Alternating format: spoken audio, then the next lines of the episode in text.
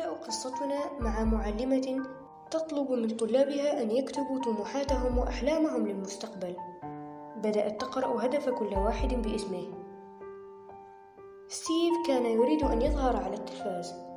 طلبت منه أن يقرأ ورقته أمام جميع أصدقائه. عندها كان يتلعثم في كلامه. فسخرت منه المعلمة وسخر منه جميع أصدقائه. عاد ستيف إلى المنزل. وروى لأمه ما حصل له في المدرسة. لكنها للأسف خيبت آماله هي أيضا.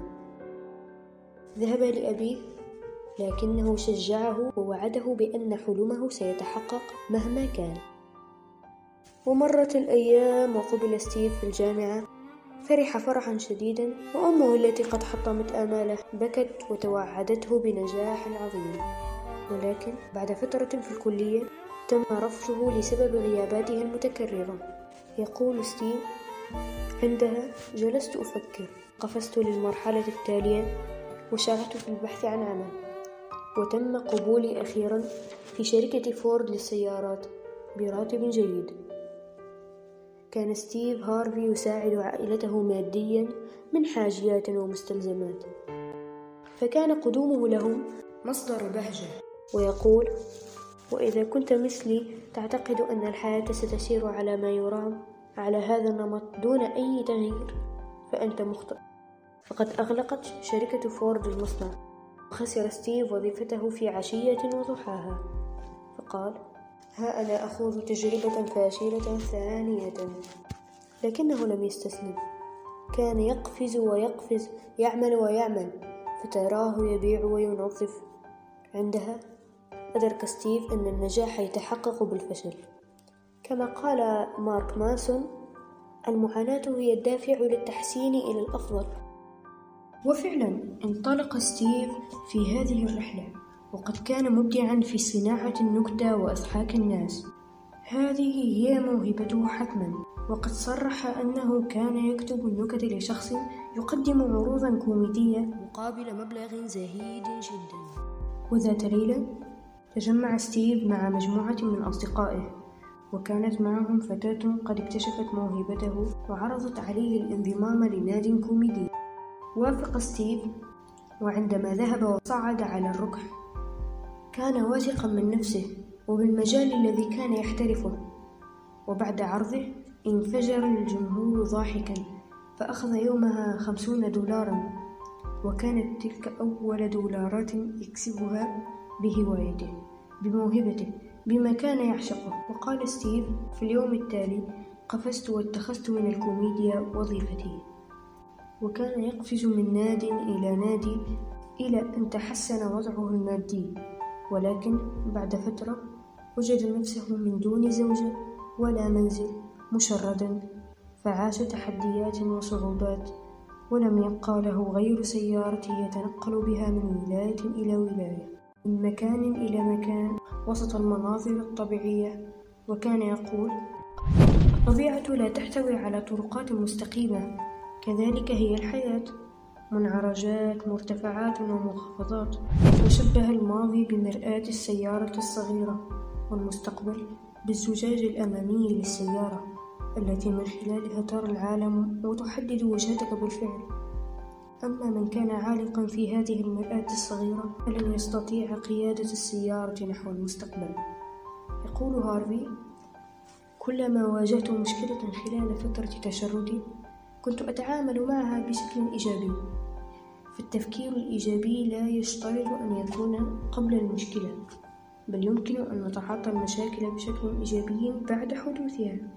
إذ كان مرة نائما في سيارته قرب نهر واستيقظ اليوم التالي فوجد السيارة مليئة ماء.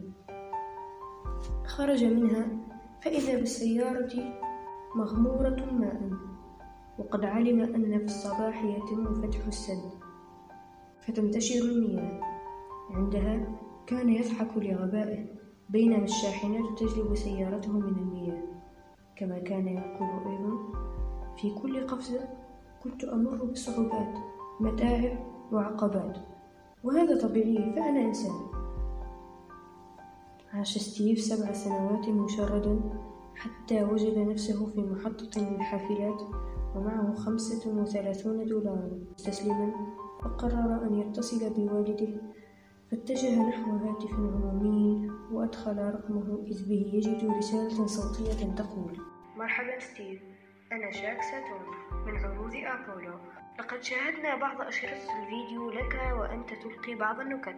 ونعتقد أنك فرصة جيدة للظهور على شاشة التلفاز في عرض يوم الأحد مساء عندها يئس ستيف فهو في فلوريدا والعرض في نيويورك ولم يتبقى إلا ثلاثة أيام. قرر أن يتأكد مجددا ولكن دون جدوى قرر المحاولة مرة أخرى. فوجد رسالة صوتية أخرى تقول. مرحبا ستيف. أنا توم من كوميدي كارفان نحن في فلوريدا ولدينا عرضا غدا مساء. لو استطعت القدوم وتقديم عرض كوميدي سيكون أجرك مئة وخمسون دولارا عاد الأمل لستيف. واتصل بتوم. مرحبا توم أنا ستيف. نعم يمكن القدوم أبعد عن مدينتكم ثلاثة ساعات فقط. أنا في الطريق. وفي اليوم التالي قدم العرض ونال إعجاب الجميع وأخذ ستيف المئة وخمسون دولارا. فاقترح عليه توم تقديم عرض آخر يوم السبت مقابل مئة وخمسون دولار. أخذ ستيف الثلاثمائة دولار والآن بحوزته ثلاثمائة وخمسة وأربعون دولار. فحجز تذكرة لنيويورك على الفور. وعند وصوله يوم الأحد صباحا اتجه نحو عروض أبولو وجلس في غرفة ينتظر العرض وكان واثقا من نفسه ومتأكدا من ضحك الجمهور.